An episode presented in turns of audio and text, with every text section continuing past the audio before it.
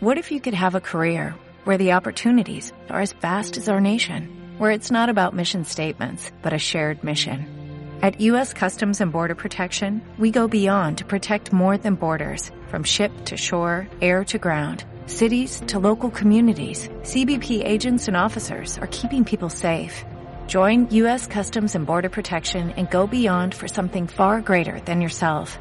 Learn more at cbp.gov/careers.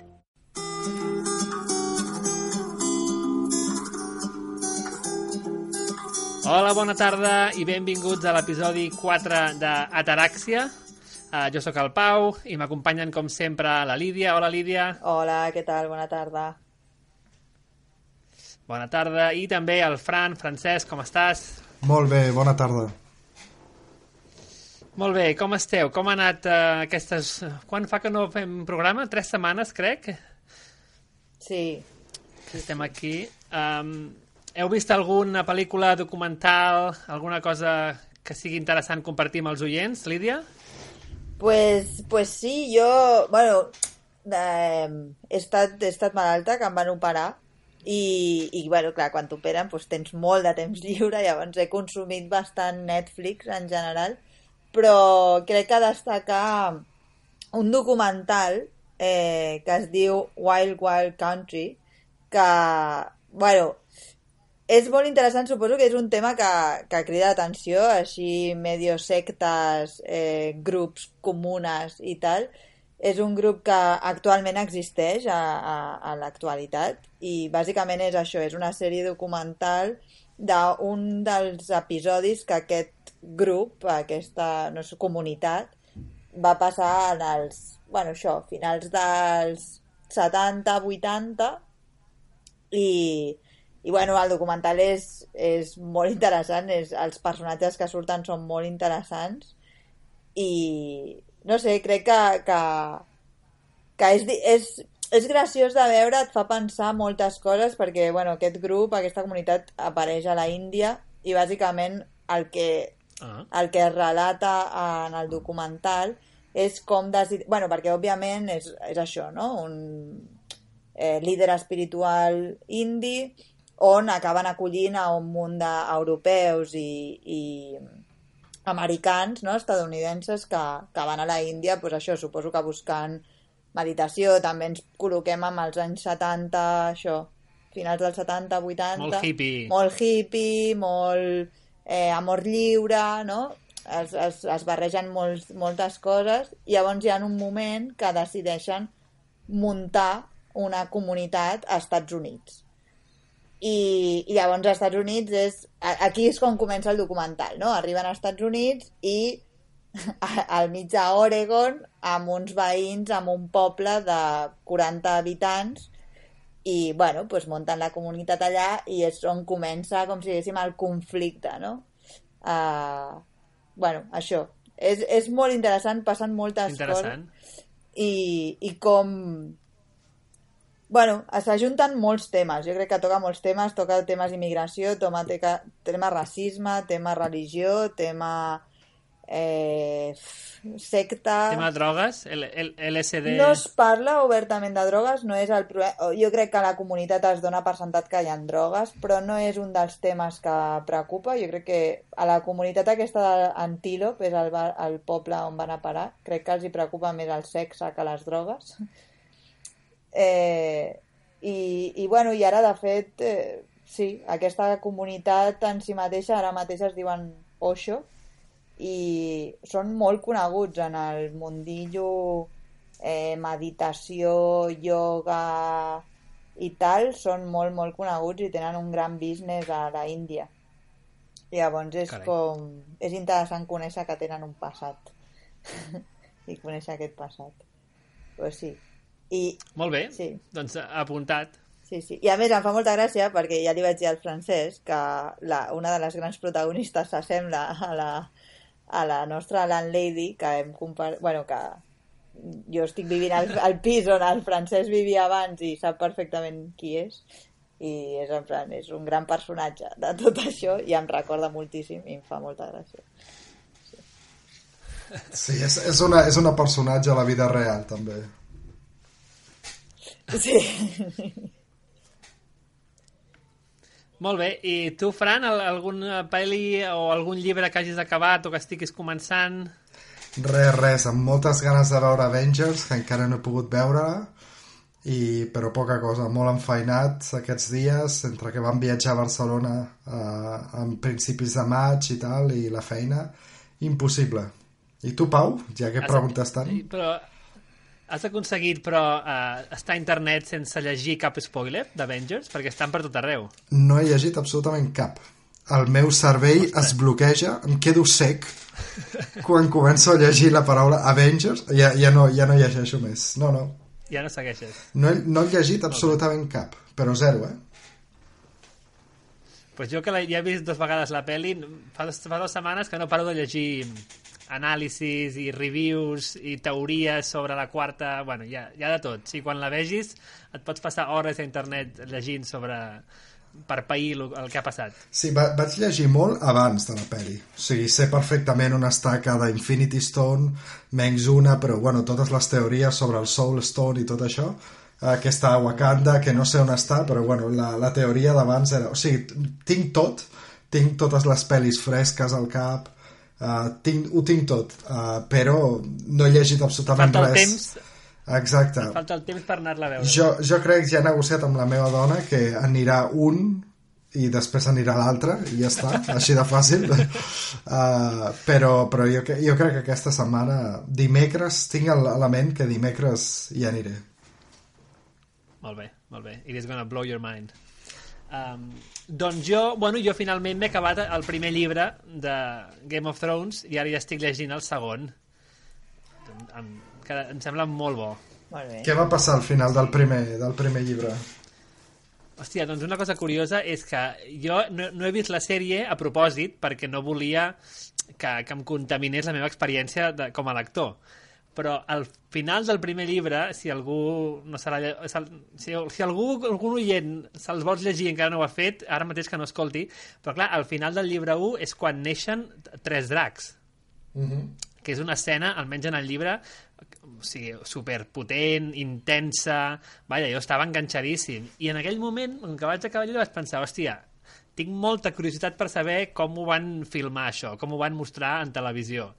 I vaig anar a YouTube, vaig buscar l'escena que neixen els dracs i em va semblar molt decepcionant. I, I mira que intenten ser molt fidels perquè agafen frases exactes del llibre, eh? o sigui, jo crec que intenten ser molt fidels, almenys en, en aquella escena. Però així i tot, eh, la comparació entre l'experiència com a lector i després veure el vídeo, el vídeo em va semblar cutríssim. no recordo bé aquesta escena uh, i, i què ha passat amb el a King's Landing? no ha passat res? Bueno, el, rei, el, el, el, o sigui, el, el Lord Eddard, el, el de Winterfell, li han tallat el cap. Ah, val, jo, Home, pensa, xaval. jo pensava que acabava així. Val, val. I no, l'últim és, També. és, és quan neix els dracs. Sí, de fet, primer li tallen el cap en aquest pobre i el, sí, sí, gairebé al final, gairebé l'últim episodi, o sigui, l'últim capítol del llibre o penúltim és, és aquesta escena de, dels dracs, sí, sí, de la Khaleesi i, i que, bueno, ella no es crema, es, es, s'avença cap a un foc gegant i no es fa ni una cremada i els tres, els tres dracs, que eren ous, que semblaven pedres, pues, Surten. eh, cobren vida. Ah, ah Brutal. d'això sí que, sí que me'n recordo, sí que me'n recordo. De la, del, de, la, de la sèrie. brutal. Um, cada dia em sembla més... Cada, quan més llegeixo, més, més bo em sembla el, aquests, aquests llibres. Bueno, doncs molt bé, doncs començarem, tot i que abans de començar volia adreçar un comentari que hem rebut d'un oient eh, que li agraïm molt al Serafim que ens fa el comentari de que de fet, de fet, en grec eh, i coneixem en persona, la Lídia i el Fran coneixen en persona a, a aquest, aquest noi, el Serafim, que és, es veu que és grec, i ens explica que, de fet, ataràxia no es pronuncia ataràxia, es pronuncia ataraxia, oi? Sí. Ho estic dient bé, Sí. Lídia? Sí, ahir m'ho va comentar això per la nit, que, que a més estava supercontent que haguéssim escollit aquest nom, però que no ho pronunciàvem bé. eh, però, però bueno, això, que ataraxia seria com es pronuncia en, en grec. Eh, però bueno, jo crec que podem fer la nostra versió així a la catalana, no? Una mica. Sí, catalanitzem, és, és com un homenatge a la paraula grega Sí. o, eh, en negatiu, apropiació cultural, Exacte. Sí, però potser ho intentarem una miqueta, però se- segur que se'ns escapa la, la pronunciació que en català ens sembla més natural, ataràxia, no? sí. Uh, molt bé, doncs el tema d'avui, abans de, de revelar-lo um, als oients, volia començar amb un parell de preguntes. I començarem, la primera, començarem amb el, amb el Francesc. Um, Francesc, tu creus, um, estàs convençut o no, que el, els éssers humans vam trepitjar la Lluna el 1969 per primera vegada? Tu creus que allò va passar? Sí, No tens cap dubte, diguéssim. Amb un 99.99%. Jo sempre tinc dubtes, però estic segur, estic segur que sí. I creus que les imatges que, que, que tenim a dia d'avui eh, de- de- d'aquella aquell moment no? en què eh, aquells astronautes trepitgen la Lluna per primera vegada, creus que allò fou real? Sí, Molt bé. Lídia, i tu, què- tu, què- tu què penses? Tu què creus? Sí, sí, jo també. Sí, sí. Estic amb, amb aquest 99, 99%, però sí, sí, crec que és, és real, i va ser real. Molt bé. I eh, coneixeu les, aquestes teories de la conspiració que diuen que, que tot això és un bulo, que això no és cert, Lídia? Sí, és més, et diré, jo que he estat dintre de la NASA, he estat a, a Houston i he vist, de fet, Ah, les instal·lacions, eh, jo crec que sí. Però sí, conec el voló, perdó, no, no m'estendré, però sí. No, no, molt bé. Doncs deixa'm fer llavors la segona pregunta, Lídia. I ara fem, una, fem un salt eh, de molts anys. El passat 1 d'octubre, a Catalunya, eh, hi ha l'intent de referèndum i repressió policial, però tot i així hi ha molta gent que creu que aquelles imatges i aquells fets són ficticis, no són reals. Tu què creus? Jo, Lídia... Eh, a veure, jo crec que és real, sobretot perquè tenia amics i amigues directament a les escoles eh, enviant vídeos i fotografies en directe. Per tant, eh, m'ho m'ho crec, això m'ho crec molt més que, que el de la Lluna. Vale, però tu no hi eres a, a a Barcelona o a No. Catalunya aquell dia. No, jo no hi era, ho vaig seguir en directe per televisió, però també en directe des de les experiències reals d'això, de la, dels compa amics. I tu, Francesc? Jo crec que la majoria d'imatges que van sortir són, són reals i que pràcticament tots els vídeos són reals en el sentit de que són d'aquell dia. Hi ha moltes vegades que, no, que es comparteixen vídeos que són de fa dos, tres anys, com si haguessin passat en, en aquell dia, i imatges també, però en aquest cas crec que la majoria, almenys les imatges que hem vist més, són reals i, i es van succeir l'1 d'octubre. Tot i que tu tampoc hi eres en persona, no? Efectivament, no, jo era, era aquí a, a Londres. I tu t'ho creus perquè saps dels diaris o perquè com la Lídia t'ho enviaven amics que, amb qui confies que estaven allà al, a les escoles o, o als carrers manifestant-se o, o, o rebent, rebent hòsties? Exacte, o sigui, sí que tinc algunes fonts directes, però sobretot també pel, pel que es va veure a la televisió, eh, que també enviava la gent, bàsicament, vídeos que enviaven a TV3 i, i tal.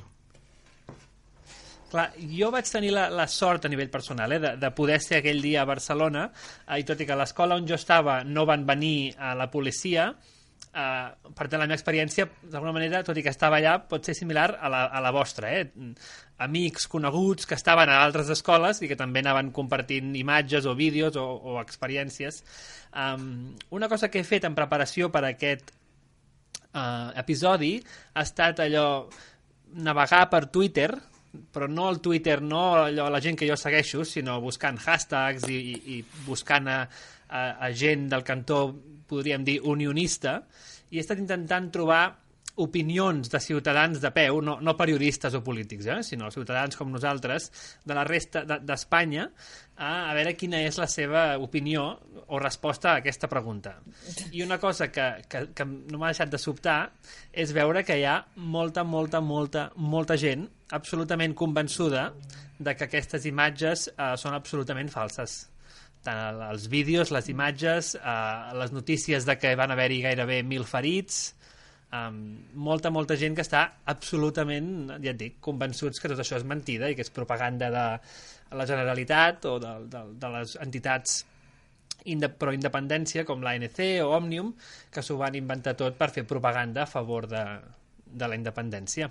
Ja, és que et fots a, en fet... lugares muy oscuros, no? T'has anat a parar, perquè Twitter té, ah. té a tota aquesta secció oculta, obscura.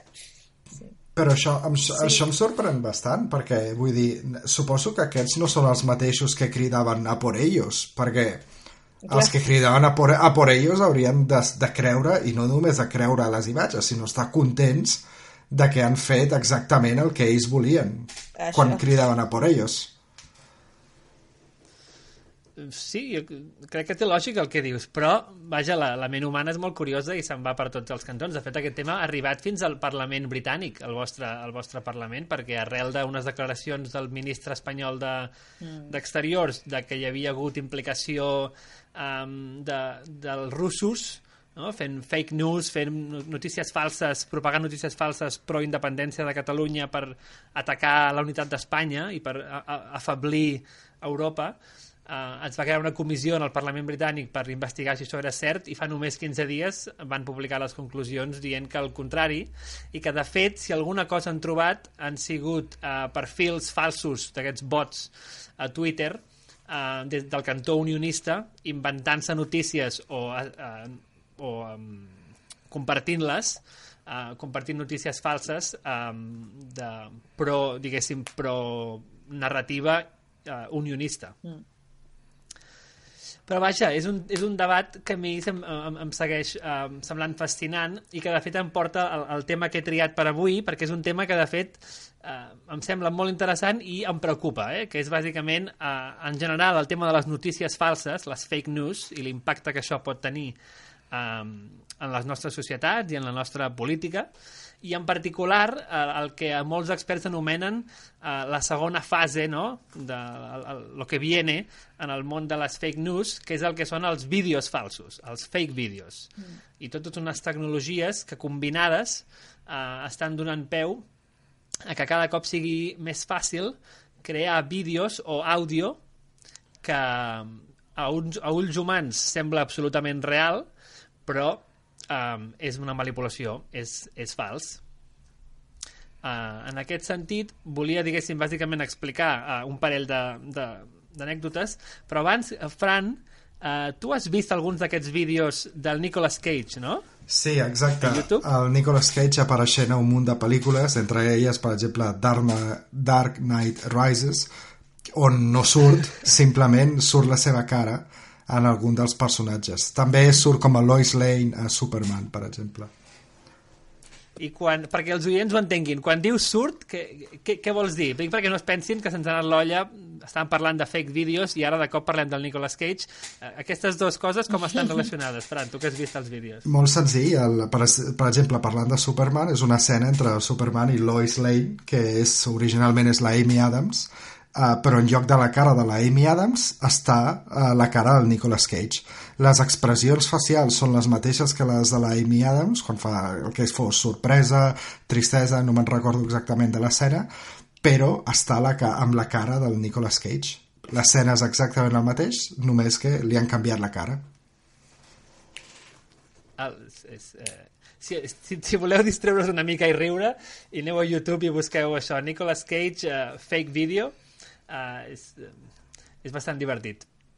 Uh, I, de fet, a, a, a, aquests vídeos que estan fent del Nicolas Cage, de fet hi ha un projecte a internet que volen, volen posar el Nicolas Cage a totes les pel·lícules fet, mai fetes. Volen que aparegui a totes les pel·lícules. internet és un món fascinant. doncs, uh, de fet, aquest, aquests vídeos del Nicolas Cage um, venen a, a demostrar el, diferents tecnologies eh, de manipulació gràfica i de manipulació de veu que fa un cert temps que, que diversos equips de recerca hi estan treballant i que segons molts experts estan a dia d'avui allò en, en anglès el que en diuen no? el, el tipping point o sigui, en aquell moment en què d'aquí un, dos anys, tres com a molt estaran molt madures aquestes tecnologies a uns nivells en què ens serà molt difícil distingir un vídeo real d'un vídeo fals i de fet eh, uh, un article que penjarem al blog explica, per exemple, un equip de recerca de la Universitat de Stanford ha creat aquest programa informàtic que permet uh, manipular vídeo en temps real de manera que uh, tu agafes un vídeo, per exemple, d'un polític fent un discurs i a la vegada uh, qualsevol actor o qualsevol de nosaltres ens gravem dient el que, el que voldríem que digués aquest polític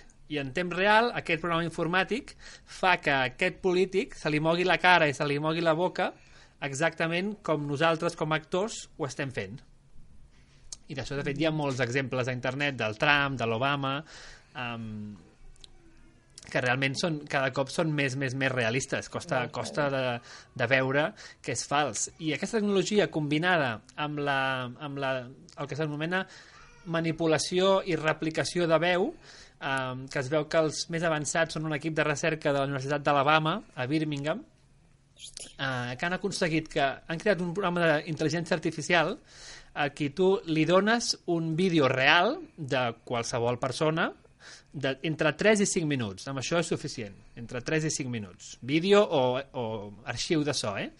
I només amb això aquest programa és capaç d'imitar la veu dient qualsevol altra cosa Uh, I de fet han fet proves i han sigut capaços d'enganyar a persones humanes, sí, a persones normals i corrents, uh, que els hi posen no? la Hillary Clinton de debò i la Hillary Clinton uh, fictícia, i són incapaços de diferenciar i també han sigut capaços d'enganyar a programes informàtics d'aquests de seguretat, no? que per desbloquejar el mòbil o per desbloquejar l'ordinador has de dir amb la teva veu, amb la teva veu no? power a guy. I han sigut capaços d'enganyar també aquests programes de seguretat. Um, I clar, jo, agafes els dos, diguéssim, el, aquestes dues tecnologies, les combines um, i amb una mica de temps i de diners uh, pots fer meravelles. Clar. És bastant heavy. És bastant heavy i us volia preguntar d'entrada què, què, us, què us sembla, però abans us volia posar un, un exemple, perquè aquest article que us comentava que, que penjarem al blog, el que ve a dir és que segur que aquests equips de recerca, evidentment, ho, ho fan, produeixen aquestes eh, tecnologies amb bona voluntat o simplement per seguir, per seguir desenvolupant tecnologies interessants, però que evidentment les aplicacions eh, poden ser poden ser complicades i poden provocar problemes. Uh, I posava l'exemple, jo com que estic als Estats Units, com sabeu, a la, el malson del Trump, del president Trump, és, és constant, i no sé si ho vau veure, jo crec que sí, poc abans de les eleccions del, 2007, del 2016, es va publicar aquell vídeo um, en què el, que era un vídeo 12 anys uh, antic, um, que era el, el Trump amb un periodista que es diu Billy en un autobús Billy Bush. fent declaracions Exacte, Billy Bush, fent declaracions molt barrueres sobre les dones i grab them by the sí. pussy, they let you do it... Sí, sí. Doncs aquest article que comentava deia, clar, quan aquest vídeo va aparèixer, el mateix Trump i el seu equip no van tenir més remei que admetre que era veritat i simplement donar l'excusa doncs, que era un vídeo molt antic o que era una conversa privada i que no n'hi ha per tant, el que sigui. Però es veu, i això no ho sabia, i en el vídeo, en l'article ho, ho cita, que en algunes ocasions des d'aleshores, durant el, sobretot durant el 2017, en alguns discursos, en alguns ral·lis que fa el Trump, ell mateix ha tret el tema i ha sembrat, ha sembrat dubtes de que realment sigui ell. I ell ha dit, jo, jo, jo no recordo que digués aquelles paraules, ell jo crec que és manipulat. Ah, ja, claro, claro. Ell mateix, perquè clar, amb aquests vídeos doncs, es pot fer amb aquests vídeos, amb aquestes tecnologies i, i mala, mala bondat es pot fer de tot. Doncs, Fran, d'entrada, tu quan penses en aquestes tecnologies i després de riure una estona amb el Nicolas Cage, quina és la teva por principal, si és que tens alguna por? Mm, No, simplement, a veure, el, el tema fake news ja existeix i el concepte de em crec el que veig publicat ja existeix. Sí que és veritat que eh, la fi, com que existeixen vídeos, eh, es, es, es pot, de fet, amb aquests vídeos provar eh, que és fals el, alguns statements que diuen els polítics. I en aquest sentit, tot i que existeixen els fake news i tot i que hi ha una part de la població que les agafa com a veritats, tot i que siguin mentida, sí que la, entenc que la majoria, sobretot a, a certs països, eh, és capaç de distingir perquè hi ha aquestes eines, com per exemple vídeos, eh, demostrant que, són, que les notícies són falses. Clar, en el, en el moment en què entres aquí, doncs crec que la part de la població que creurà fake news s'eixampla bastant i, i ho hem vist bueno, en el cas dels Estats Units què passa quan hi ha bastanta gent que creu en les fake news que creu que el tema de, dels emails de Hillary Clinton és molt més, molt més greu que les coses a les quals s'està acusada Trump. Uh, vull dir el, el, aquesta tecnologia pot fer que la part de la població que creu fake news augmenti simplement perquè verificar-ho s'ha tornat molt més complicat perquè ja no pots de fet eh, diguéssim eh, creure en els vídeos perquè aquests també poden ser falsos aquesta és simplement la, la meva por eh, que és, és, és la situació que estem ara però pitjor i per tant podré, podríem estar en una situació on molts més països tinguéssim a, a mandataris com Trump Sí. Lídia, tu què et penses? Sí, és, és això, o sigui, al final la tecnologia seguirà avançant, no? I, i, i posar-hi frens és, és molt complicat i com sempre dius, bueno, eh, comptes en què hi haurà gent que la utilitzarà de manera negativa. Crec que em preocupa això, eh, una mica comparteixo el que deia el Fran, eh, al final hi ha una part de la població disposada a assumir moltes coses. O sigui, hi ha una part que prendrà l'atenció d'informar-se a través d'altres fonts, de voldré contrastar, però que jo crec que ja són persones que també ho fan ara, no? És com eh, les persones que llegeixes més d'un diari o les persones que tens més d'una font o que comentes amb amics o tal, o gent que, bueno, pues, tal mitjà diu X i ja m'ho crec simplement perquè ho digui aquest periodista, aquest periodista o perquè ho digui aquest mitjà. Sigui un vídeo, pues ho fa més real, però però jo crec que al final el problema és més de fons que és aquesta de dir per què els mitjans de comunicació o per què certs mitjans de comunicació decideixen crear fake news, no? perquè sí que és veritat que, que poden aparèixer de, de persones externes, però jo crec que els mateixos mitjans ja agafen aquest extern o sigui, ho, ho, ja utilitzen això, llavors és com no tenim realment eh, com, a, com a ciutadà, ciutadania no tenim com el mitjà de dir què és el o sigui, com comprovo que el que se'm diu és realment fiable, no? És, és... Pues sí, no sé, és, és un temón, és un temón però... Sí, i, al final et trobes amb, amb, amb el tema de l'1 d'octubre clar, tu vas a Catalunya o parles amb gent que hi era i per ells és una veritat tan veritat com que la Terra no és plana, per, per entendre'ns, eh?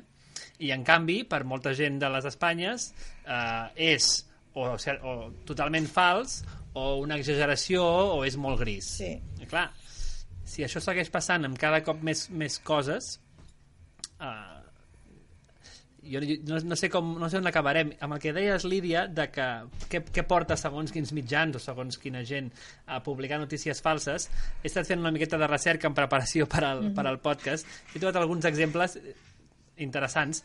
El 20, per exemple, el 21 d'agost del 1835 eh, el diari que en aquella època era el més important de Nova York, The New York Sun va publicar una sèrie d'articles um, que atribuïen a diferents acadèmics i experts que deien que hi havia vida humana a la Lluna. Mm -hmm. Que havia, havien descobert vida humana a la Lluna. Um, això, clar, molt rebombori, van augmentar en centenars les subscripcions en aquest diari i simplement, uh, això era l'agost, doncs simplement a finals de setembre van publicar un article dient ui, va ser un error, no hi ha vida, no hi ha vida a la Que Lluna. nos hemos equivocado. Ja. Però clar, ja havien guanyat més de eh, moltíssimes subscripcions, per tant, quartos. Clar, clar, clar, no, sí, és, és això, no? Però que ja, per això, que ja estem aquí, no? Eh, bueno, ja estem de sobres, no? És, no és, no és quelcom nou el fet de que, que apareixin notícies eh, de mentida. El problema que, clar, no? quan apareix una imatge, quan apareix un vídeo, sembla com que és impossible. Però jo crec que el bo és que som conscients de que és possible eh, fer aquest fake vídeo, per tant, som conscients de que ens l'hem de mirar amb aquest... Amb, no sé, quan, quan no saps que la tecnologia no pot fer això, és com, vale, em crec el vídeo i ja està. Però quan ets conscient de dir, no, no, és que atenció perquè vivim en un món que ja és possible fer aquests vídeos. Per tant, la mirada ja ha de ser des de em bec això i intento identificar si és viable, si no, intento... Bueno, no? Suposo que és un exercici doble que hem de fer a la ciutadania des de, vale, tot mirar-ho des de la perspectiva de que pot estar manipulat. Eh, és més exigència cap a nosaltres, no? Sí, eh, Fran, agafant el que diu la Lídia, tu, tu com, com aconseguiries, tu, tu mateix, eh, com a persona, fer això sense caure en un cert cinisme de que tot és mentida o de que tot és manipulat? Home, un espera que... A veure, és, és complicat, òbviament. Uh, hi ha vídeos que, el, el, per exemple, no? si surt Obama dient certes coses, els que no són molt anti-Obama entendran que aquest és fake, bàsicament perquè la persona té una reputació i tal. Jo crec que, que aquí ve el tema. Uh, j, o sigui, jo personalment pot ser que se m'escapi algun, pot ser que doni algun com a vàlid, uh, però sí que entens una mica que la gent té certa reputació, aquesta reputació ja existeix, aquesta reputació és pre uh, és, és, és pre eh, fake vídeos, no? I per tant aquesta reputació existeix.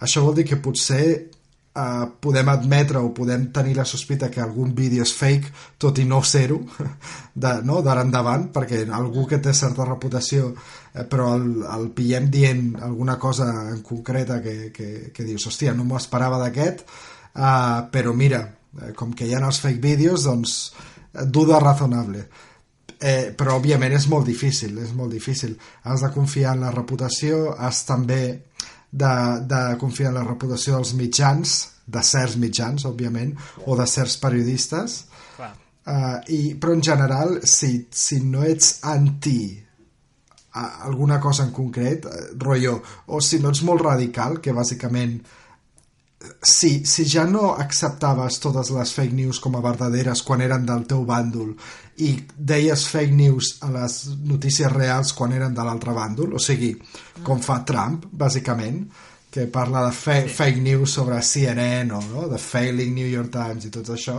i en canvi després diu que a la seva, no? quan, quan el van fer president era la, la, la major crowd de la història que estava a patar de gent. Uh, que, que és, no, o sigui, és exactament això. O sigui, ell, ell fa fake news i després diu que la resta fa fake news. O sigui, és la pitjor combinació. Home, aquesta gent seguirà sent així. Uh, la gent que creu que el Trump eh, que el Trump, el que diu el Trump és, és cert uh, i, i, i l'exemple que has fet del Grab Them by the Pussy és, és molt bo perquè ell, ell va bàsicament admetre que ho havia fet Sí.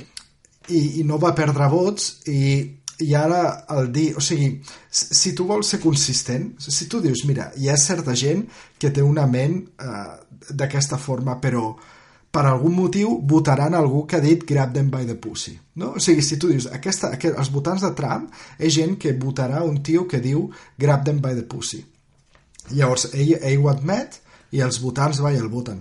El problema d'aquesta gent no és que cregui això. El problema és que després Trump diu el que has dit, uh, posa en dubte que això sigui real i, i, també, ho cre i també ho creuran. Aquest és el, el gran problema. O sigui, la consistència no els importa.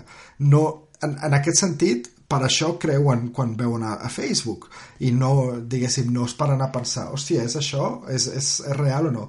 Ara, òbviament, la, la barra per creure'ns alguna cosa eh, serà molt més alta perquè diguéssim tot d'aquí dos, tres anys els vídeos poden ser falsos però la gent que no és molt radical en principi ha d'estar suficientment oberta com per poder detectar amb major o menor fortuna aquest tipus de vídeos.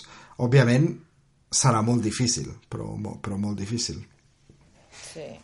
Sí, a mi el que dius em, em fa pensar amb, amb això que és de la reputació clar, molt sovint, en aquest cas els polítics, de vegades hi ha molta diferència entre el llenguatge que utilitzen en, en públic, en un discurs en públic, o, o un discurs en privat. Hi ha el cas del 2012 del Mitt Romney, que és aquest republicà més aviat eh, amb, amb una imatge de moderat, que va intentar ser el, el candidat republicà eh, per guanyar l'Obama el 2012, i de fet ell anava guanyant, però contra el McCain, el, no, de fet, va ser, va ser ell, el, exacte. Sí, va el, ser el, ell. Va ser ell el que es va enfrontar a l'Obama, però va, va haver-hi un vídeo d'un fundraiser, un acte de, per, per recaptar diners que era privat, aquell acte, i es va filtrar algú amb el seu mòbil, ho va gravar. I era una, un vídeo de 3 minuts del Mitt Romney referint-se al 40%, 47% de ciutadans dels Estats Units com a estúpids i pobres. No recordo ben bé el, el llenguatge en anglès, però bàsicament un llenguatge molt despectiu referint-se al 47% dels ciutadans nord-americans. Sí, que els, els clar, donava, allò- com, deia alguna així com que ells, Com que, que no, sí, i que no era el seu objectiu, que aquests eh, es, es referia a gent que estava en, en programes socials i en beneficència i coses així, Ah, i venia a dir això, que, que aquest no és el target seu, que, que aquests són, són demòcrates i no voten republicà i que, saps? I que... I els dona per perduts. Exacte, no? però, però sí que la forma de parlar era, era bastant despectiva. Doncs clar, ell en aquell moment va admetre que aquella... Que, que, sí, sí, que era, que era la seva veu, que era ell, i que va estar desafortunat amb aquelles paraules.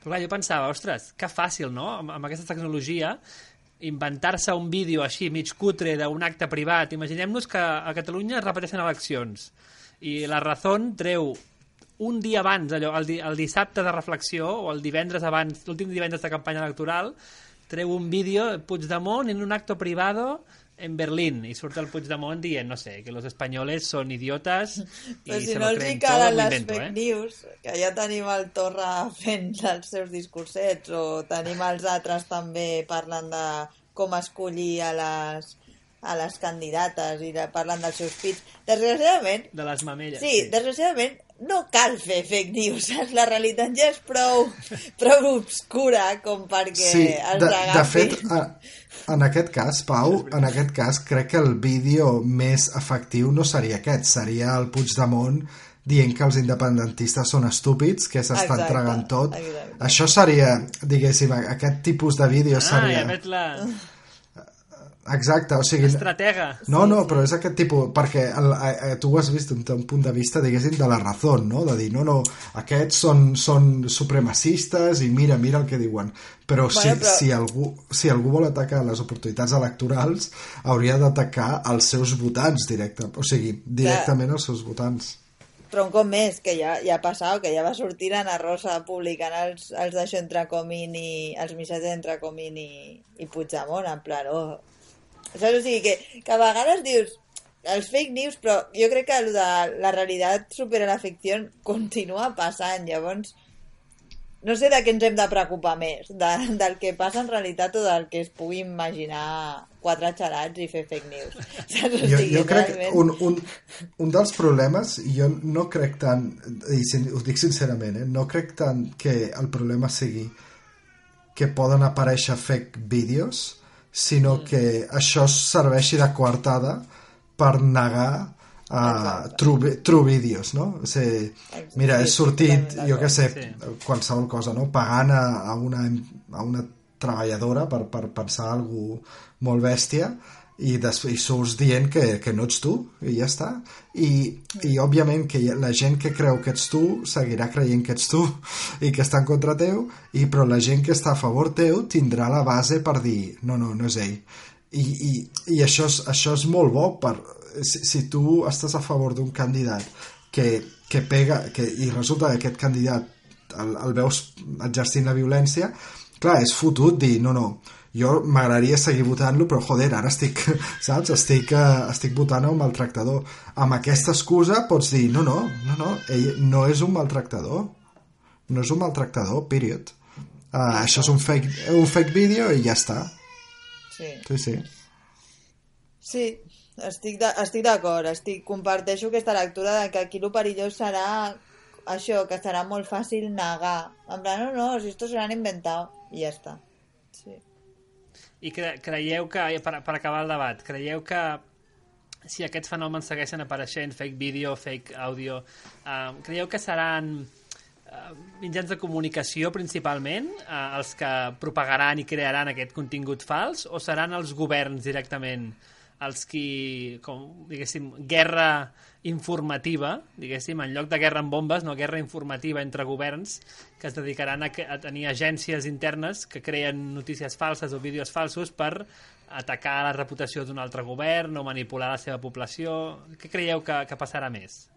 Fran, comencem amb tu. Home, doncs la, la guerra entre governs es promet i al final és una guerra entre governs com, com ha passat amb, amb els hackers russos o sigui, és, di- diguéssim, no, no tens el link clar entre el govern rus i els hackers però, però assumeixes no? que, que, que estan compenetrats jo crec que sí, jo crec que els mitjans de comunicació serviran com a altaveus per exemple, no? el cas de la Razón farà, faria d'altaveu del govern Rajoy si, si aquests, eh, diguéssim, o algun grup afí fes un, fes un, un vídeo d'aquests però no crec que, que els creessin ells mateixos crec que seria més eh, governs o agències amb certa amb, diguéssim, amb certa interessos com, Vincles. exacte, com la CIA vaja, o sigui, la- l'obvi, no? És la CIA i, per exemple Lídia, què en penses?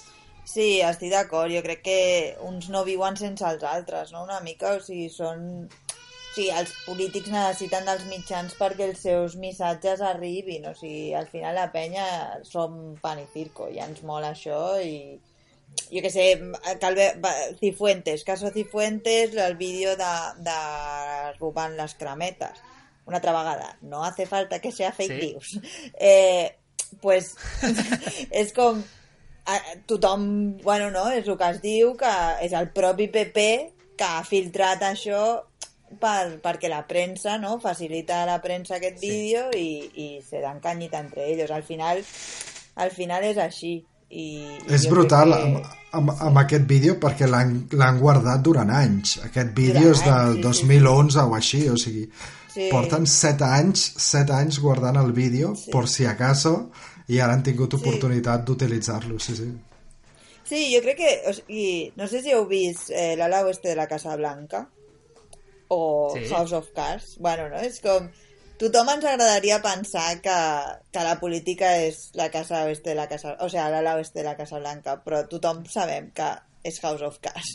No? O sigui, jo, jo crec que volem pensar que, que, que no, que és així, però en realitat és House of Cards total i, i és no, no, no cal, no cal, és que això és el preocupant, que no cal el, els vídeos fakes, és que ja estan muy jodidos els polítics en general, sí.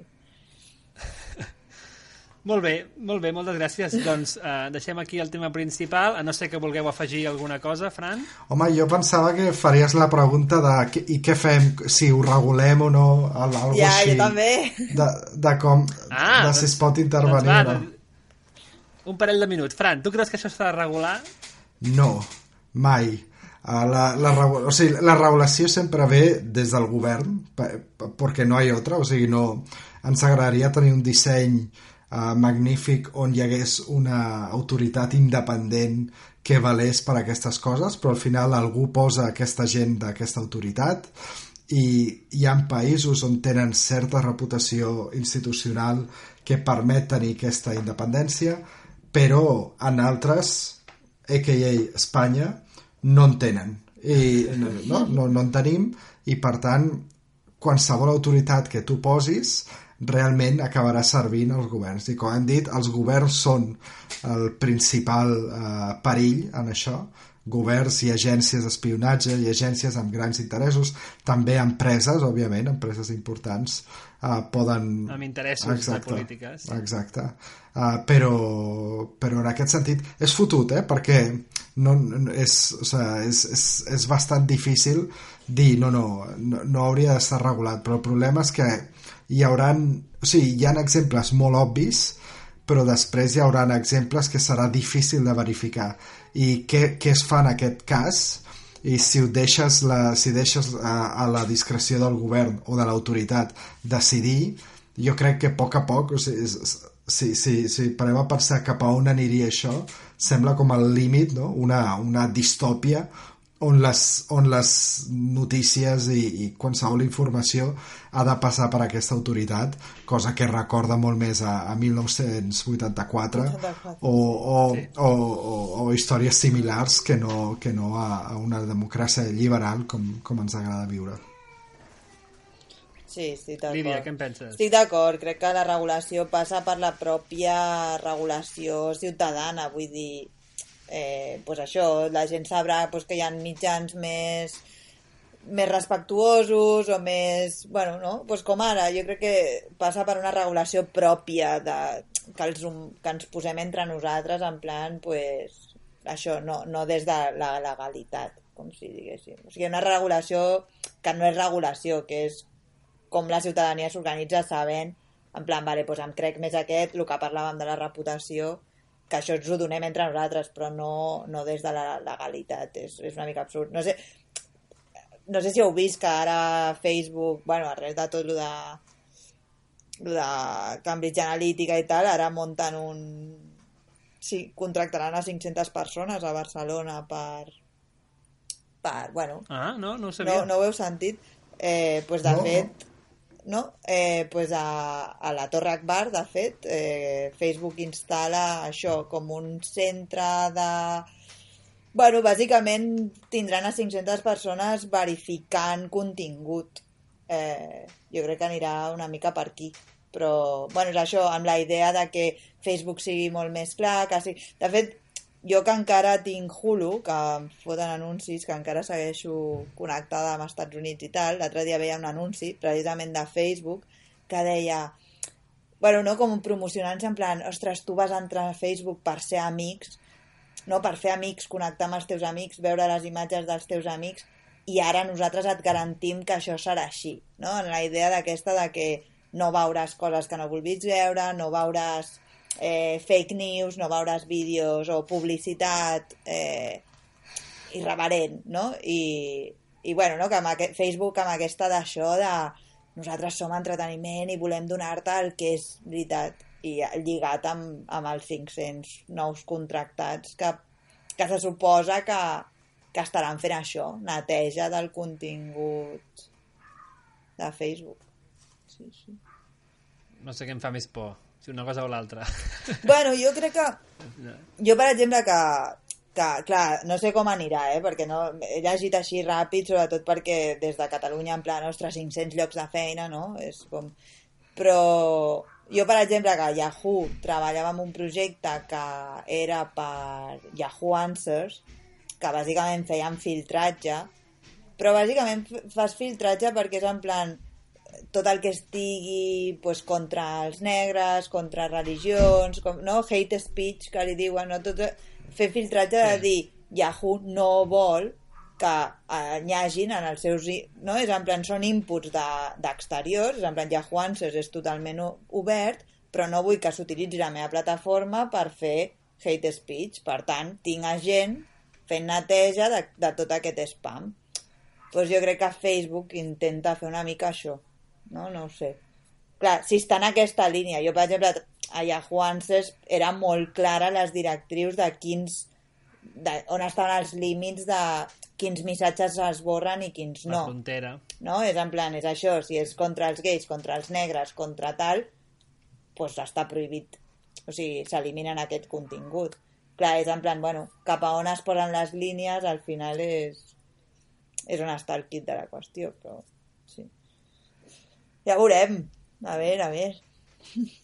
temón. Sí, ja veurem, a veure si serem amics, podem ser coneguts o amics d'algun d'aquests 500, Sí. perquè quan surtin notícies sobre el que es fa en aquest centre, eh, ens en podrem fiar més si aquest amic ens ho corrobora. Exacte. Sí. sí, sí. Hi haurà fe, fe, fake news sobre els, els Molt bé, moltes corroboradors. de- Doncs ara és el moment de les miniseccions. Lídia, vols començar tu? Vale, la meva és bastant mini-mini.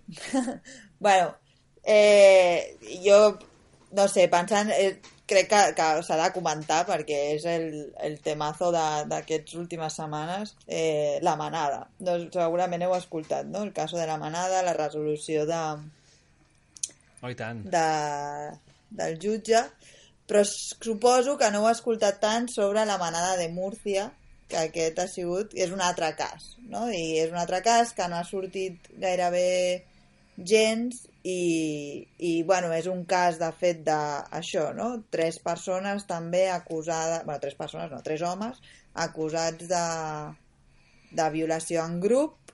Eh, hi ha una denúncia posada per una dona on diuen que l'han drogat. Eh, hi ha un informe mèdic hospitalari que demostra que ha hagut violència o sigui que ha sigut abús físic que no ha sigut sexe consentit fins i tot els tres d'això diuen que sí, que ha hagut sexe però que la, aquesta dona és una prostituta. Per tant eh, no, no hi ha violació perquè és una prostituta, aquesta ha sigut la defensa, i en 24 hores eh, els han enviat cap a casa i només, eh, de fet no, no, no hi haurà judici i només eh, hi ha una restricció eh, de, com es diu això, de que no, pugui, no es poden apropar a no sé quants Costar. metres d'ella.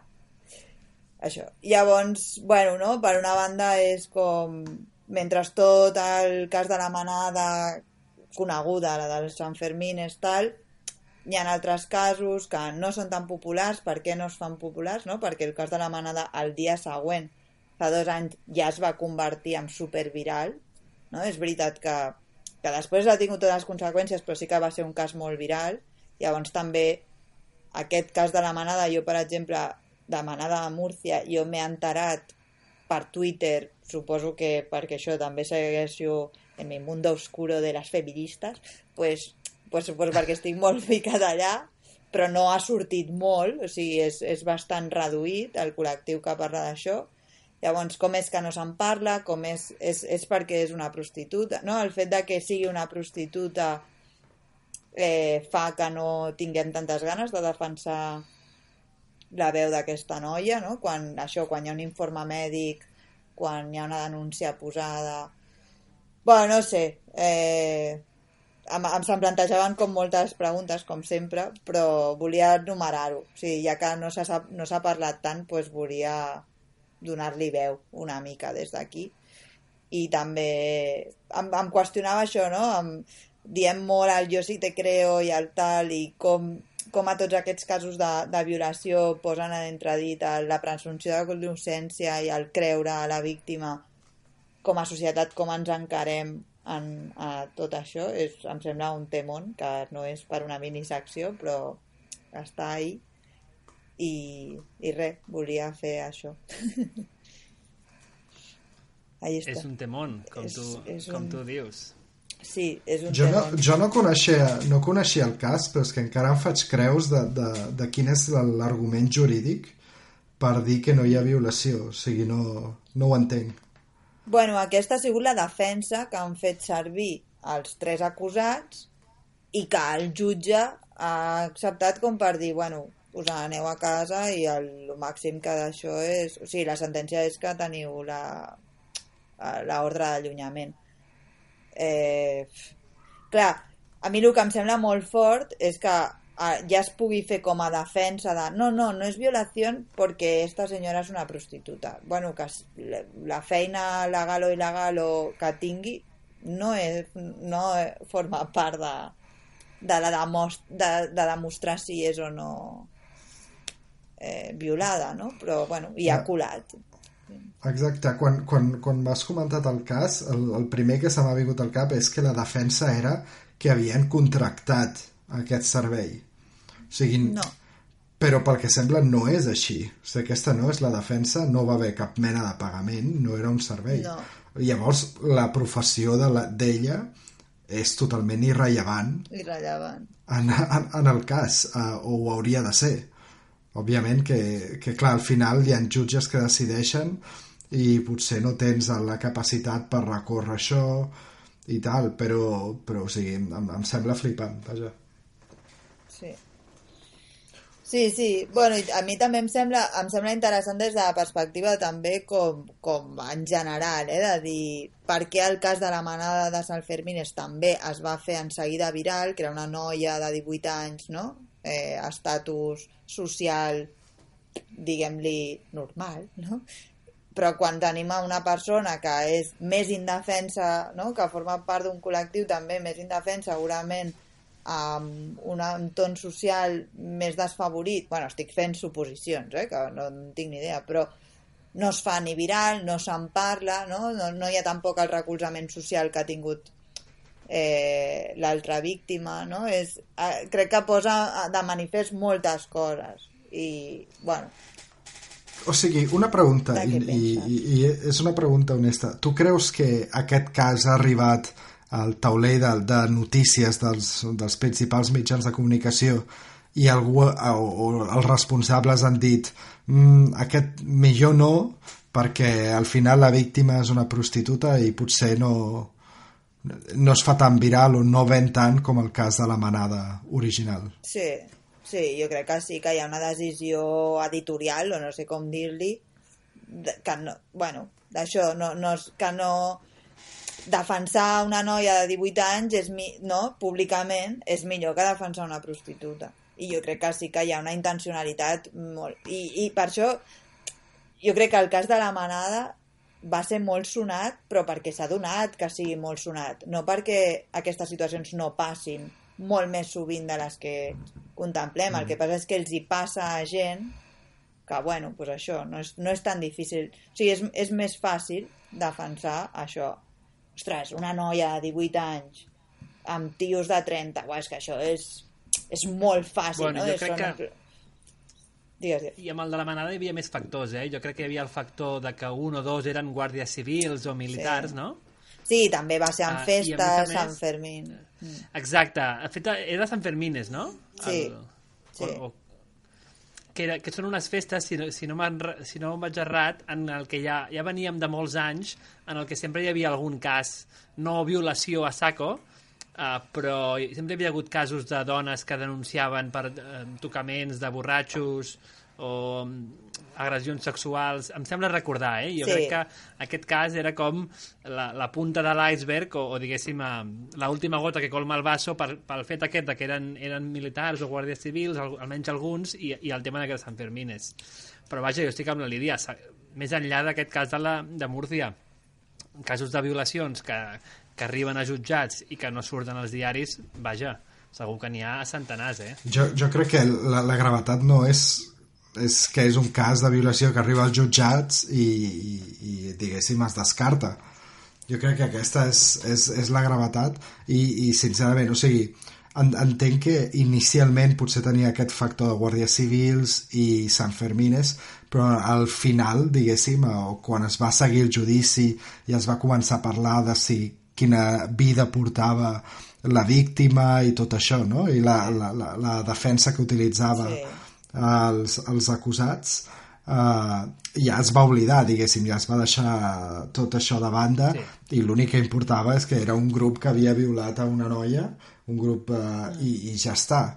Per tant, em sobta que uh, si ha passat el mateix a Múrcia es decideixi no, diguéssim, no parlar del tema uh, en certs programes de notícies, que ja diem que això no és que no ho sabem, però assumim que és així perquè la repercussió mediàtica ha estat molt, molt, molt menor en aquest cas.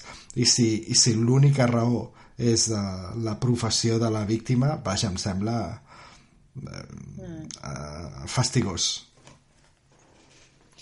Sí. Sí, sí, és, és qüestiona... I jo crec que també, o sigui, des de mitjans, i ja et dic, eh, fins i tot amb els entorns... O sigui, a veure, que jo poso Twitter perquè ara... Però que jo que sé, que segueixo a moltes feministes i moltes...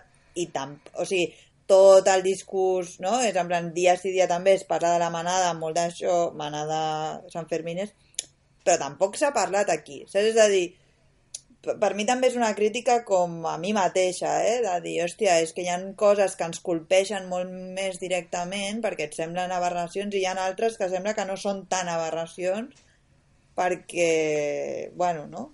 No sé. Perquè, Per detalls. Sí, per certs detalls. Per i és el- prejudicis. Sí, i llavors és com, bueno, pues això, no? És autocrítica també de... Bueno, al final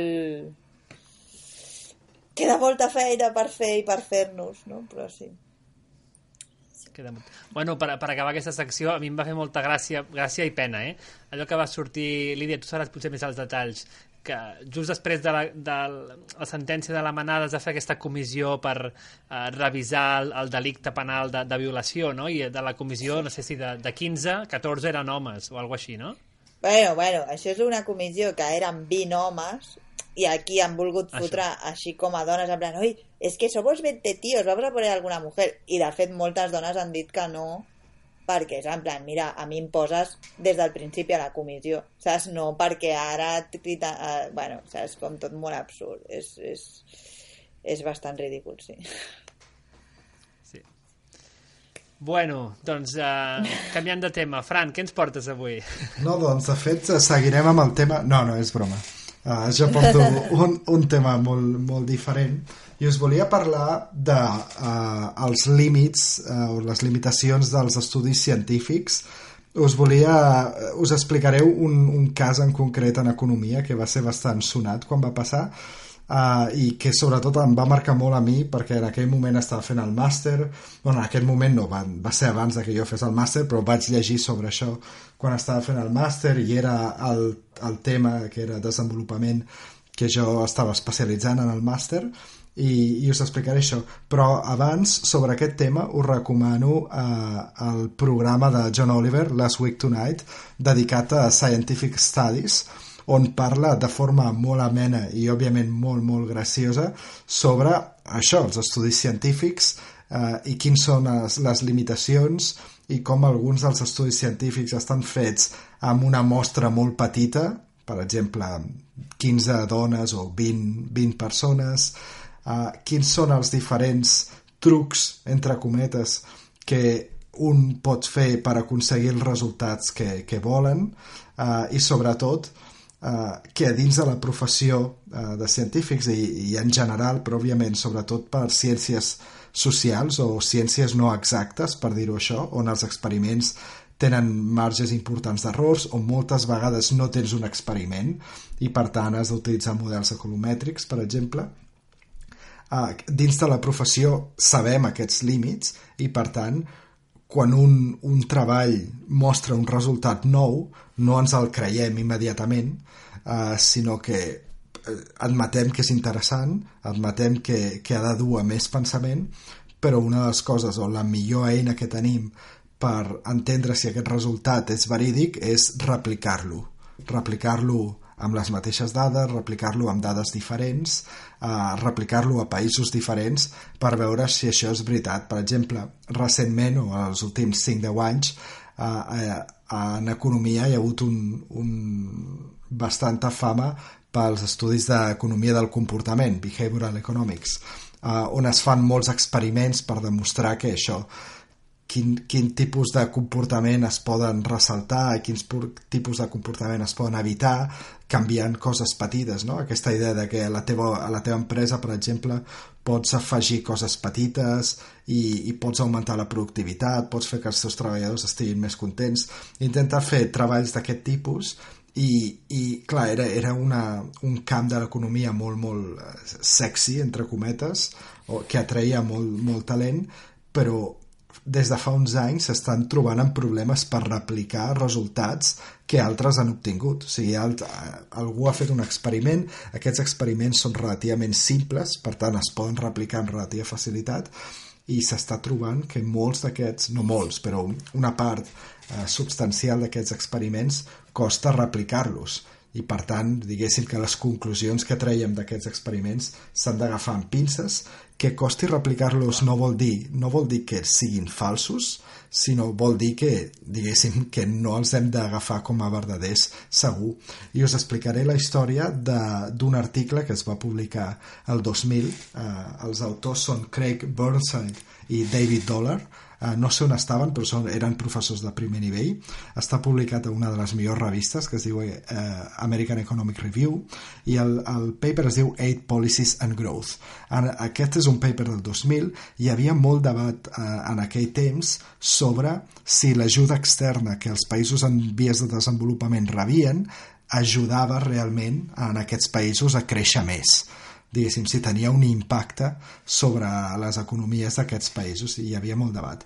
I ells van venir, van agafar dades sobre aquests països i, i van, diguéssim, van trobar una història molt, molt bonica o molt, o, molt intuitiva. I és que, en general, aquesta ajuda externa no, no és efectiva per promocionar el creixement, però sí que ho és si les polítiques del, del país en desenvolupament en termes fiscals, en termes d'obertura al comerç internacional i en termes de, de política monetària són bones, diguéssim, ha, hi ha tots uns rànquings fets pel, pel Banc Mundial i el Fons Monetari Internacional i trobaven aquest resultat que era molt bonic, és per, pels països que no, tenen bon, que no segueixen bones polítiques l'ajuda no serveix de res pels països que segueixen bones polítiques, l'ajuda és efectiva per augmentar el creixement econòmic. Aquest, aquest es va publicar el 2000. Llavors, des de llavors van haver molts estudis que van canviar el, el model economètric i, diguéssim, van discutir els resultats però tres autors, un, i són bastant famosos, sobretot els dos primers, William Esterly, Ross Levine i David Rudman, eh, van fer alguna molt més simple, que és reconstruir la base de dades original del paper, simplement afegir més països perquè noves dades es, eh, es podien aconseguir quan ells el van fer i eh, augmentar els anys que, que, que miraven no van, fer, no van canviar res més, simplement van, van fer exactament el mateix que van fer en el paper original, simplement augmentant els anys i amb més països. I tots els resultats marxen. Tots. Sí, sobretot, el, aquest, sobretot quan augmenten els països, aquest és la clau, quan eh, incorporen set països més pels quals aconsegueixen noves dades, eh, els resultats marxen i no és un tema de... ells fan, utilitzen diguéssim que fan la, la mateixa base de dades des de zero però aconsegueixen replicar els resultats del paper original utilitzant la base de dades diguéssim original però a la, en el moment que l'extenen desapareixen totalment. I clar, vull dir això és, o sigui, aquest era, era el resultat original era molt intuitiu i també justificava eh, molt gran part de la política del Fons Monetari Internacional i del Banc Mundial a l'hora de donar ajuda externa en condicionar-la a certes polítiques el, eh, diguéssim, això ho havien fet en la dècada dels 90 i aquest paper és, és posterior. O sigui, aquest paper no es va utilitzar per justificar-ho en el seu moment però sí que permetia ex post justificar aquesta actuació. I aquests tres autors simplement, que simplement van augmentar els països i augmentar els anys i el, tots els resultats marxen. De nou, això no vol dir que la història original no sigui verídica. Uh, el que vol dir és que no tenim evidència estadística de que la història, la història diguéssim, de que l'ajuda la, externa no té cap, cap mena d'efecte de, i que la política que segueixi el, país, el país en vies de desenvolupament no importa, o sigui, aquesta altra uh, història no tenim evidència empírica per refutar-la uh, i, i, i és un exemple, a mi em va marcar molt perquè en un moment on està llegint molta literatura i ja et dic, aquests són eh, un paper molt, molt, molt ben publicat i és tan fàcil com augmentar la base de dades. I ja et dic, no és, no és un tema de que els autors originals escolli, escollissin la base de dades a propòsit pels, pels resultats. És simplement que al cap de 4 anys hi havien més dades disponibles. Simplement per aquest motiu els resultats eh, se'n van eh, desapareixen tots, vaja. Així que la, pro la, la pròxima vegada que sentiu un estudi indica que Uh, sigueu molt, molt cínics amb això. Jo anava, anava a dir només que és, és una pena que el, els investigadors no tingueu més incentius per replicar recerca ja feta en lloc de fer-ne de nova. Total, to, totalment. Això és algo que, per exemple, sí que fem que els estudiants de doctorat facin, perquè és una bona forma de que ells entenguin quin és el procés i a la vegada de que, de que vegin si això és veritat o no. Si no m'equivoco, fa uns anys, un estudiant de doctorat, eh, va, el 2010 crec que es va publicar un paper que venia a dir que els països amb més deute públic creixien menys val? algú que sembla intuïtiu si tens molt deute públic doncs has de pujar impostos i el creixement econòmic pot baixar. Uh, aquest en era un paper molt petit que no, no havia passat un, un peer review process. Uh, però bé, però era un paper de dos professors molt influents. Uh, i només mostrava correlacions, però bueno, en alguns discursos de la Comissió Europea, per exemple, es cita aquest paper com a justificació de l'austeritat durant la crisi eh, de, de, del deute sobirà a Europa la, a partir del 2010. No? Doncs, un, si no m'equivoco, va ser un estudiant de doctorat que va intentar replicar aquest paper i es va donar compte, en aquest cas crec que va demanar les dades, va intentar-ho ell o ella, no, no, recordo, eh, no recordo qui era, eh, no, no li sortia, no aconseguia els mateixos resultats, va demanar les dades als autors originals i en enviar-li les dades es va donar compte de que els autors originals s'havien deixat de seleccionar cinc celdes al, al, a l'arxiu d'Excel. O sigui, a l'hora, diguéssim, d'arrastrar... Sí, sí, és, és, és lamentable, eh? però, però també és lamentable perquè dona la, una imatge de que utilitzem Excel per fer investigació, que és una man, man, mentida, però, però molt gran, eh? eh però, però bueno, uh, o sigui, algú utilitza, i com ja dic, era un paper molt petit, eh? De nou, jo crec que la Comissió Europea agafava aquest paper com podia agafar qualsevol altre per justificar l'actuació. La, Era més de, jo vull actuar així, per tant buscaré alguna que, que digui que, que, que és correcte. Però sí, sí, es va donar compte de que havien comès un error i que si arrastraves totes les cel·les eh, resultava que la correlació desapareixia. Uh, que, era zero, que era zero, diguéssim, que semblava, si et creies el, els resultats, que el deute públic no era, no importava gaire uh, en, pel creixement econòmic. I, I us preocupen I els, els, els, perdó, us preocupen els videofakes quan tenim aquests No, però, però jo, jo ho dic, i us ho dic molt en sèrio, jo, com sabeu, he estat a moltes institucions de policy i en, entenc que, que estaria molt bé viure en un món, és una utopia, on abans de prendre una decisió fas recerca, entens l'evidència empírica i arrel d'això prens la decisió que tu creus oportuna. Uh, això quasi mai passa i la decisió ja, ja ve presa en gran mesura i part del treball és buscar quins uh, estudis confirmen uh, el, el, el, recolzen el que tu vols. I ja et dic, i, tot i tu pots estar equivocat, però és probable que algun estudi hi ha molts tipus de revistes científiques. En economia hi ha mil, milers de revistes científiques. Hi ha tot un grup de revistes científiques en què tu pagues i et publiquen. De fet hi ha casos de gent que, que ha, publicat coses demencials a propòsit només per demostrar que, que són algoritmes i que no, o sigui, està tot automatitzat i que simplement has de pagar i t'ho publiquen. O sigui, hi ha revistes uh, acadèmiques que tenen, que tenen zero credibilitat.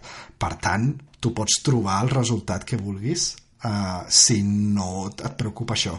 Però, i aquest l'exemple que he explicat és important perquè inclús en les millors revistes d'economia, però també de finances i d'altres branques, eh, de les ciències socials sobretot es poden, pots trobar resultats que no són robustos, no són mentida, no és algú que ha intentat falsificar. Segur que alguna vegada ha passat això, però inclús quan els investigadors tenen la millor fe, eh, a vegades els resultats són poc robustos i desapareixen a la que tens més dades disponibles.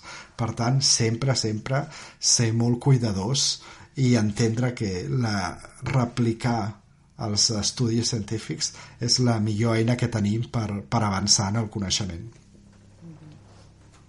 Co conclusió, no, no ens creiem a face value res. Ni Res. text, ni imatge, ni so, ni vídeo, ni eh, articles acadèmics. Res. Zero. Cada vegada que algú digui alguna que no, que no estàs d'acord, només el mires i dius fake news. Ja està. Exacte. Mentira, todo mentira, todo montaje. Exacte. Molt bé, doncs moltes gràcies, ho deixarem aquí i fins al pròxim episodi. Fantàstic, una hora i 15 minuts, i 14 minuts, vaja. Res, com sempre, uns 40 Com minuts. sempre. Sí, sí. Ens hem passat una miqueta, no passa res. Molt bé, doncs fins la pròxima. Fins la pròxima. Lídia, moltes Nois. gràcies. Adéu, Merci, Pau, merci. Lídia. Adéu, adéu.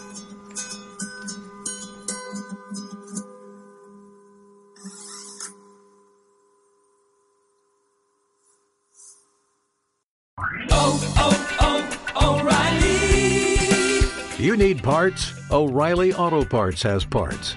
Need them fast? We've got fast. No matter what you need, we have thousands of professional parts people doing their part to make sure you have it.